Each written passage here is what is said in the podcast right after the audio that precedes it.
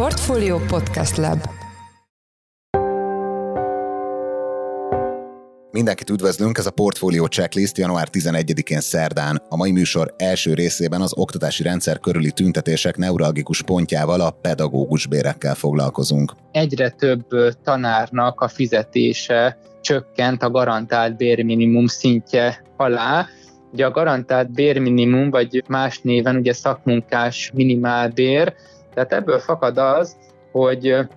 minden egyes évben egyre több tanárnak a fizetését kell korrigálni, legalább erre a garantált bérminimumnak a szintjére. A témáról Hornyák Józsefet, a portfólió makrogazdasági elemzőjét kérdeztük. Az adás második részében arról lesz szó, hogy a közérdekű vagyonkezelő alapítványok fenntartásába került hazai egyetemek számára miért lehetetlenülhet el a hozzáférés a Horizont Európa, valamint az Erasmus programokhoz. Ezzel kapcsolatban Weinhardt Attila, lapunk makrorovatának elemzője volt a vendégünk. Én Forrás Dávid vagyok, a Portfolio Podcast Lab szerkesztője, ez pedig a checklist január 11-én.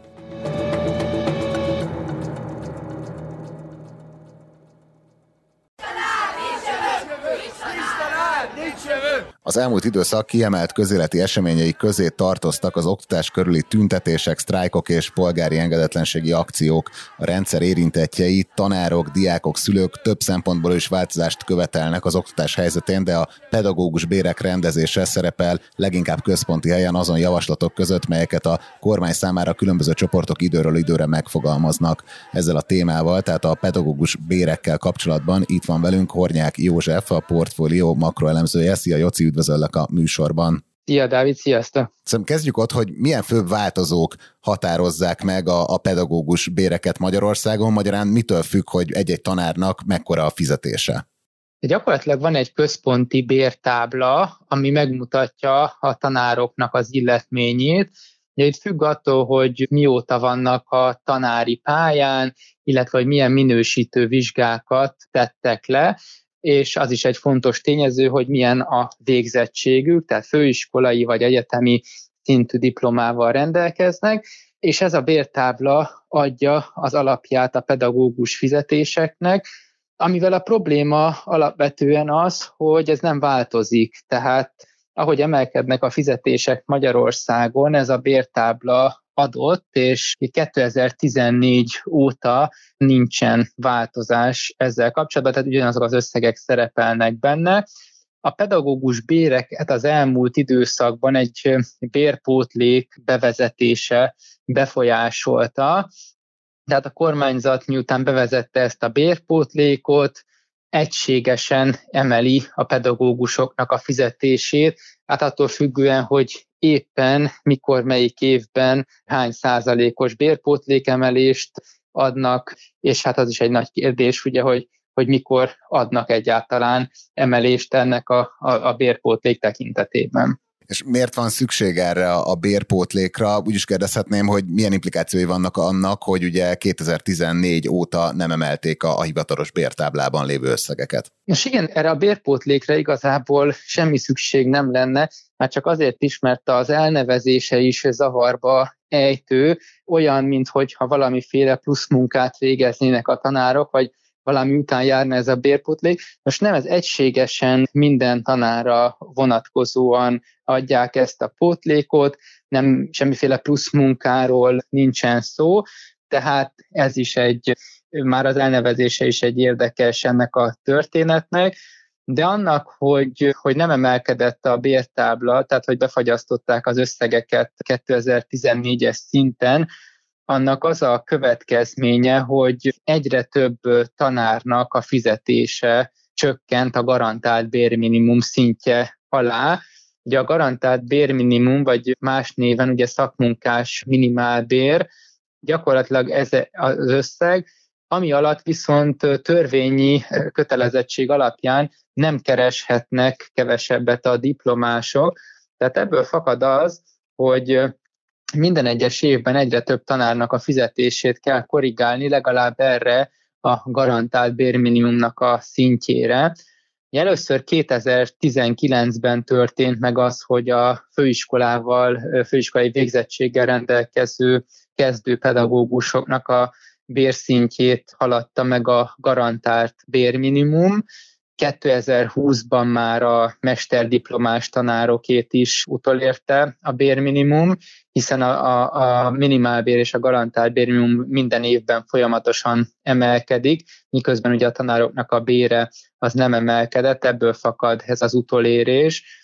Ezt követően 2021-ben már 3-5 év szakmai tapasztalattal rendelkező tanároknak is az alapbére ugyanúgy a bérminimum szintjére süllyed, a tavalyi évben pedig már a több mint 10-14 év tapasztalattal rendelkező tanárok, akik minősítő vizsgát tettek természetesen, őnekik is a bérük már ilyen alacsony szinten volt, és az idei januárban, idei év januárjától pedig az a kellemetlen helyzet állt elő, hogy már a 24, 25, 26 év szakmai tapasztalattal rendelkező főiskolát végzett tanároknak is a fizetését utolérte a garantált bérminimum. Tehát ez azt jelenti, hogy egy negyed évszázada főiskolai végzettséggel tanító tanárnak a fizetése nem éri el, vagy pont eléri azt a fizetést, amit törvényileg nem lehet annál alacsonyabbat adni egy szakmunkás végzettségű embernek Magyarországon. Igen, az idei évnek a fejleménye az, hogy a, a garantált bérminimum ismét emelkedett 14 kal a pedagógusoknak ugye az alapbére, a vértábla az pedig szintén nem változott, az oda vezetett, hogy 25 éves szakmai tapasztalat, pedagógiai tapasztalat is most már csak garantált bérminimumot ér Magyarországon, mindazon pedagógusok számára, akik egy minősítő vizsgát tettek, a kettő minősítő vizsgával annyit javul a helyzet, hogy 15-17 év szakmai tapasztalat után már a garantált bérminimum szintje fölött van az adott pedagógus. Ugye ez azért is rendkívül kedvezőtlen történet, mert egyrésztről egyáltalán nem lesz vonzó a pedagógus pálya, illetve már most sem az ezekkel a bérekkel, másrésztről pedig azt is mutatja, hogy egyébként a tanárok nagyon könnyen el tudnak helyezkedni, el tudnak menni akár más munkát végezni, sokkal-sokkal magasabb fizetésért az milyen hatást gyakorol a, a tanári fizetésekre, ugye, hogy befagyasztották ezt a, a bértáblát, mekkora veszteséget szenvednek el emiatt a tanárok? Nagyon jelentős mértékű a, a, a veszteségük a tanároknak havi szinten. Ugye, ha nem fagyasztották volna be ezeket a béreket, akkor gyakorlatilag legalább 100 ezer forinttal, de vannak olyan szakmai tapasztalati szintek, ahol már 3-400 ezer forinttal is ruttóban többet kellene kapniuk a tanároknak. Tehát ez is mutatja azt ez a különbség, hogy milyen jelentős mértékű volt a, a tanárok bérének a, a lemaradása az elmúlt időszakban, tehát gyakorlatilag elmondhatjuk, hogy egyetlen másik szakmában sincsen akkor a bértorlódás, tehát az, hogy a kezdők és a tapasztaltaknak a, a, a fizetése gyakorlatilag az megegyezik, illetve ilyen alacsony szinten is rögzült, ez egy olyan szintű bértorlódást jelent, ami szerintem az elmúlt évtizedekben ilyet nem lehetett látni, illetve egyetlen egy szakmában sem lehet tapasztalni, a versenyszférában biztosan nem. És mi az a referencia érték, amihez képest befagyasztották a tanárok bérét? Tehát mi az, amit ebben a kalkulációban számolunk, amikor azt mondjuk, hogy ehhez képest veszteség érte őket? Ugye gyakorlatilag a tanároknak az illetménye az a 2014-es minimálbér szintjén lett befagyasztva, vagyis ez a 2014-es minimálbér a meghatározó a pedagógus bérek tekintetében, és azóta egyébként a minimálbér az több mint megduplázódott, úgyhogy ha a minimálbérhez lett volna kötve, vagy lenne kötve a tanároknak a fizetése, akkor ennyit kellett volna emelni, emelkedni a bérükön, ami nem lenne egy ördögtől való történet, sőt, ez egy jó opció lenne például, mert amikor a, a gazdaságban is emelkednek a bérek, sok más szakmában nőnek a fizetések, akkor így az ő bérük sem maradna le, Az elmúlt években azért láttuk, hogy szinte minden évben 10-12 százalék körüli átlagos béremelkedés volt a gazdaságban. A tavalyi évet egyébként közel 16-17 százalékos béremelkedés jellemzi, tehát ebből fakadóan a pedagógus béreknek a felzárkóztatása, illetve valamilyen formában az átlagbérhez, mediánbérhez, minimálbérhez való kötése az egy megoldás lenne abban a tekintetben legalább, hogy ne maradjon le ilyen jelentős mértékben a keresetük,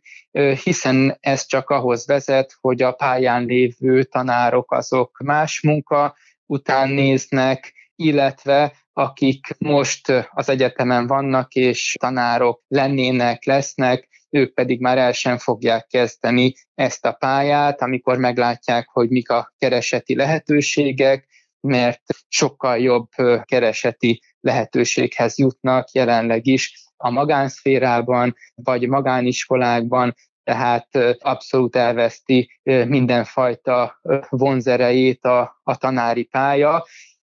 és lehetséges, hogy egyébként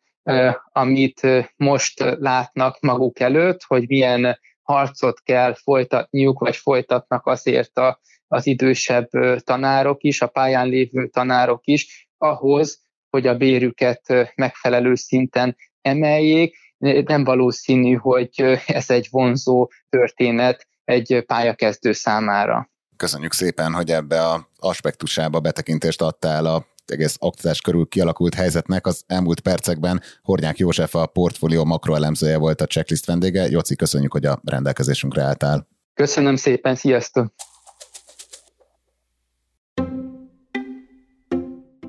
Mai második témánk, hogy a szélesebb nyilvánosság hétfőn egy népszava cikk nyomán kezdett el foglalkozni azzal a problémával, hogy a közérdekű vagyonkezelő alapítványok fenntartásába került úgynevezett modellváltott egyetemek a jövőben nem férhetnek hozzá új EU-s finanszírozású programokhoz. Ezek közé tartozik az egyebek mellett külföldi diákcsere lehetőséget biztosító Erasmus és a kutatásfinanszírozásban megkerülhetetlen Horizont Európa program is. Az érintett egyetemek között ráadásul olyan nagy intézményeket is találunk, mint a Corvinus Egyetem, a Semmelweis Egyetem vagy a vidéki nagy kutatóegyetemek. Az EU az intézményeket fenntartó alapítványokkal kapcsolatban fogalmazott meg fenntartásokat, melyek szerint azoknak nem elég átlátható a működése, és hogy sok az aktív kormányzati politikus a vezetőségekben. Reinhardt Attila a portfólió makroelemzője. Kezdjük ott, hogy ez a tegnap előtti hír, ez, ez mennyire érhette Magyarországot ilyen derültékből villámcsapásként? Hát csak korlátozottan érhette, hiszen gyakorlatilag ez lassan egy-kettő éve halmozódó probléma. Az egyik legkonkrétabb jele annak, hogy ez egy ütközőpont a magyar kormány, illetve az Európai Bizottság között, az a 2021 tavaszi fejlemény volt, amikor végül a kormány részben amiatt mondott le átmenetileg a helyreállítási programunk hitelkeretéről, mert már akkor érzékelte az Európai Bizottság felől, hogy a közérdek vagyonkezelő alapítványi struktúrát nem szeretné finanszírozni, annak az átláthatósági és közbeszerzési kockázatokkal kapcsolatos problémái miatt. Aztán utána 2021 novemberében érkezett egy bizottsági információkérő levél a kormánynak, amelyben ennek az új struktúrának a modellváltó egyetemekkel kapcsolatos kérdései már benne voltak ebben a levélben, és ez készítette elő a 22 április végén megindult jogállamisági feltételességi eljárást, és abban szintén tételesen benne volt, hogy ez az intézményi struktúra az problémás, az uniós pénzek hatékony és átlátható felhasználása felhasználását akadályozó vagy súlyosan sértő struktúra, amelyet a bizottság látott. Aztán elindult ugye ennek a levelezgetési fázisa, ezeket én részletesen mindig folyamatosan megírtam, és ezeknek a mentén végül a bizottság tavaly szeptemberben jött ki azzal a tanácsi végrehajtási határozati javaslattal, amelynek az a, az a része kapott nagyobb fókuszt, hogy mekkora felfüggesztés javasol a bizottság a magyar felzárkóztatási programokból. Ez ugye gyakorlatilag az akkori tudásunk szerint 7,5 milliárd euró lett volna, amely ugye végül 6,3 milliárd euróvá változott, és annak a határozati javaslatnak a másik tételes pontja az az volt, hogy meg kell tiltani a közérdekű vagyonkezelő alapítványokkal, vagy az ilyen alapítványok által fenntartott intézményekkel szemben bármilyen EU-s pénznek a felhasználását, azaz, hogy új kötelezettséget ne lehessen vállalni velük szemben, attól a dátumtól kezdve, amikor ezt a, a tagállamokat tömörítő tanács meghozza. És mivel ez végül tavaly december 15-én született meg ez a, a tanácsi határozati döntés, így éppen emiatt tavaly december 15-től kezdve nem lehet új kötelezettséget vállalni semmilyen közvetett vagy közvetlen uniós program keretében az említett intézményi kör felé. És van-e arra valamilyen becslésed, hogy potenciálisan mekkora összeget érinthet a, ez az intézkedés, tehát hogy a közérdekű vagyonkezelő alapítványú vagy az ilyen fenntartású egyetemeket kizárhatják az Erasmus és a Horizont programokból, és ez az összeg ez hogy viszonyul a, a teljes felfüggesztett kerethez? Van, igazából több részletből lehet ezeket összebogarászni, és ezeknek a nagyságrendje jelen tudásom szerint nagyjából 3 milliárd euró. Ez egy durva becslés, tehát hogy ekkora pénztömeg az, amelyet blokkol ez az összeférhetetlenségi vita a közérdekű vagyonkezelő alapítványokkal kapcsolatban, és ez úgy jön össze, hogy információim szerint a felzárkóztatási forrásokkal kapcsolatban nagyjából 2 milliárd euró az a, a étel, amelyet blokkol ez a vita. Itt ugye az operatív programok keretében a magyar kormány különböző intézkedéseket, fejlesztéseket tervezett be, amelyek ugye a közérdekű vagy kezelő alapítványok felé érkeznének, majd mint EU-s források. Ugye ez az, amit egyelőre nem lehet így megkötni velük, mint, mint forrásokat és szerződéseket. Ugye a, most a hírekben ugye dominánsá vált az Erasmus Plus programmal kapcsolatos forrástömeg. Itt ugye addig nem használhatják ezeket a forrásokat ugye az intézmények, amíg ez a vita nem rendeződik el. Nyilván ennek az időhorizontját nem tudjuk. Ha ne adj Isten ez az egész 7 éves cikluson végig húzódna, akkor az úgy nagyságrendileg egy 200 millió eurós tétel lenne. Ezt abból lehet következtetni, hogy, például 2020 során nagyjából 40 millió eurót finanszírozott az Európai Bizottság az Erasmus Plus program keretében különböző magyarországi személyek, ugye hallgatók és oktatók legkülönbözőbb programjainak a, a részvételével. Egy nagyjából 23 ezer személy vett részt Magyarországról ezekben a programokban az Unió szerte és ugye ezt, hogyha tovább visszük, akkor adódik, hogy azért itt évente több 10 millió eurós tételekről van szó, és ezen felül a, a helyreállítási programunkban szintén van egy felsőoktatási komponens, itt különböző fejlesztések, ugye infrastruktúra fejlesztés, tananyagfejlesztés, ingatlanok fejlesztése benne van ebben a tervben. Itt gyakorlatilag nagy durva becsléssel, ez is egy fél milliárd eurós tétel lehet, amelyet ez a vita most blokkol, egészen addig addig, amíg ez ugye el nem rendeződik.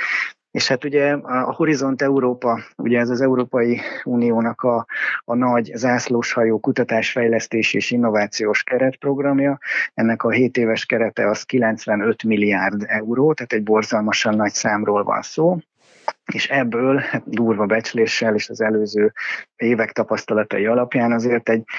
tegyük fel fél milliárd eurós tétel lehet az, amelyet a magyar modellváltó egyetemek a különböző programokban, pályázatokban meg tudnának csípni. A sikeres pályázatok esetén ugye ez közvetlen brüsszeli beadású pályázatokat akar, és hát ugye amíg ez a vita nem rendeződik, addig ugye ezek a pályázatok nem nyerhetnek, tehát gyakorlatilag ezt is blokkolja ez a vita. És mennyire értékelhető úgy a helyzet, hogy most kezdenek el kézzelfoghatóvá válni a következményei egy alapvetően eléggé absztrakt vitának, amiben a magyar kormány és az Európai Unió állt a magyar jogállamisági kérdések miatt.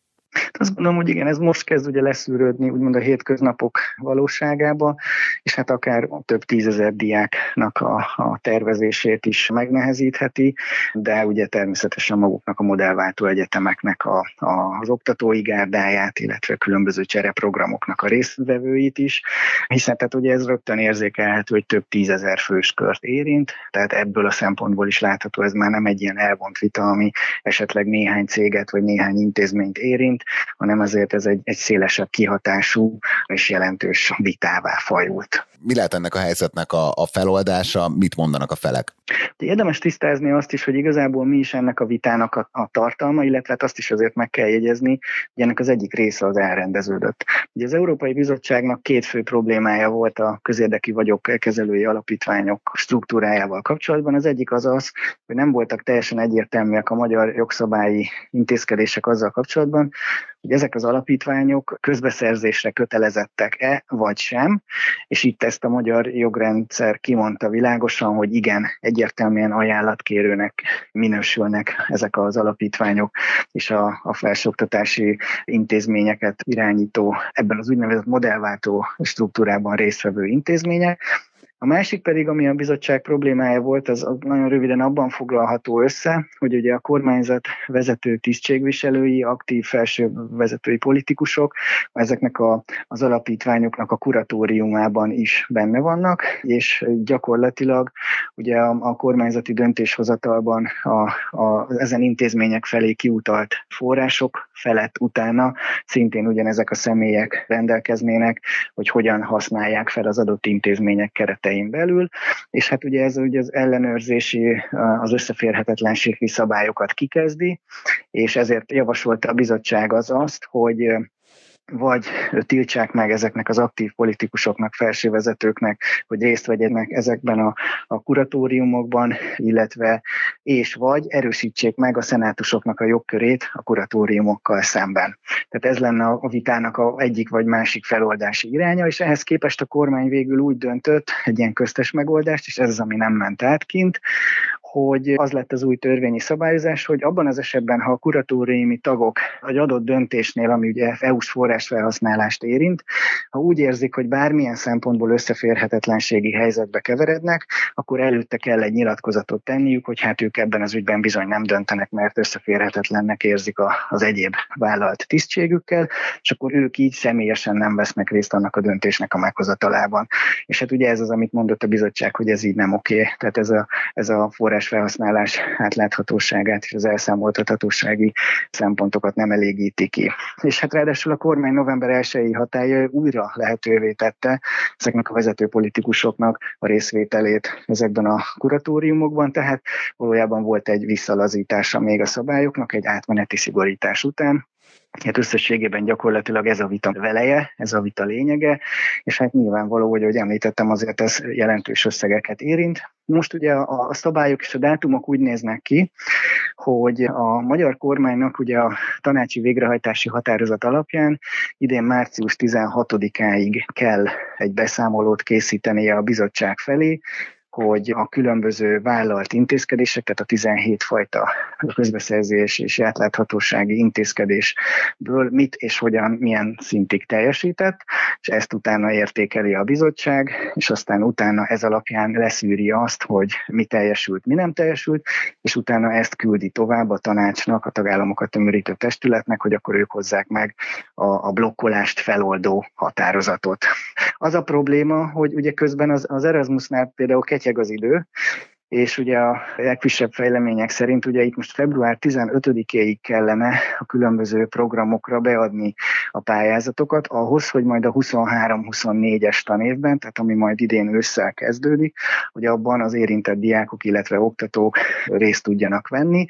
Tehát gyakorlatilag itt igazából február elejéig kellene elrendezni ezt az egész vitát, abból a szempontból, hogy legalábbis az Erasmusos pénzeket ez ne blokkolja, de hát ugye itt azért ez egy meglehetősen feszített időkeret, és ráadásul az nem teljesen egyértelmű jelenleg, hogy ezt az egy ügyet ki lehet-e venni ebből a 17 fajta intézkedés csomagból, és ezt úgymond külön lehet-e rendezni a bizottsággal és azon keresztül a tanácssal, vagy igazából mind a 17 feltételt egyben kellene ahhoz teljesíteni, hogy utána egy egységes végrehajtási határozat mentén végül feloldhassák ezeket a, a blokkolásokat. Tehát ez egyelőre egy kockázat itt a forrás felhasználás terén, és sajnos az idő nem Magyarországnak dolgozik ebben. Jó, egy értelmező kérdésem lenne, hogy azt említetted, hogy történt egy ilyen visszalazítás a, szabályoknak a közérdekű vagyonkezelő alapítványokkal kapcsolatban, tehát akkor alapvetően azt kimondta a magyar jogszabály, hogy kötelezően közbeszerzési ajánlatkérőnek minősülnek ezek az intézmények, tehát vonatkoznak rájuk a közbeszerzésekkel kapcsolatos szabályok, de akkor pontosan ez a politikusi szerepvállalás itt mi lett visszalazítva? Itt tavaly ősszel volt egy olyan törvény, amely a vezető politikusok számára egy szigorúbb és egységes összeférhetetlenségi szabályrendszert vezetett be, de aztán mivel ezt úgy is lehetett érteni, hogy végül is így az alapítványokból a kormány eltávolítja ezeket a vezető politikusokat, így utána szinte napokra rájött egy ezt korrigáló szabályozás, amely végül is hát deklarálta, hogy ezek a politikusok amellett, hogy a kormányzati munkát végzik, vagy intézmények vezetői, azzal párhuzamosan igenis vállalhatnak másik tisztséget is, például ezekben az alapítványokban a kuratóriumok tagjai, elnökei lehetnek, és hát gyakorlatilag egy átmeneti szigorításból történt egy visszalazítás, amely jelen állás szerint ugye engedi ezt a kettős szerepet, és ugye ez az, amit a bizottság ebben a tanácsi határozati javaslatban is tételesen felró, hogy ez nem jó, ez így nem segíti ennek az ügynek a rendezését, és hát ráadásul a helyreállítási programnak a, a szupermérföldkövei között is ugye ez egy feltétel, és ugye ott deklarálja is ez a szabályozás, hogy addig nem nyújthat be Magyarország semmilyen kifizetési kérelmet a helyreállítási programban, amíg ezt az úgynevezett szupermérföldkövet nem teljesíti, tehát hogy ez, ugye ez valóban egy fajsúlyos jelentőségű ügy, és hogyha így nézzük, akkor valójában nem is 3 milliárd eurót blokk blokkol, hanem ugye a teljes helyreállítási programunkat is, ami ugye hát 5,8 milliárd eurós tétel. Weinhardt Attila a portfólió makrogazdasági elemzője. A témát holnap folytatjuk. Az Erasmus és a Horizont program a hazai felsőoktatásban betöltött szerepéről akadémikusokat kérdezünk majd.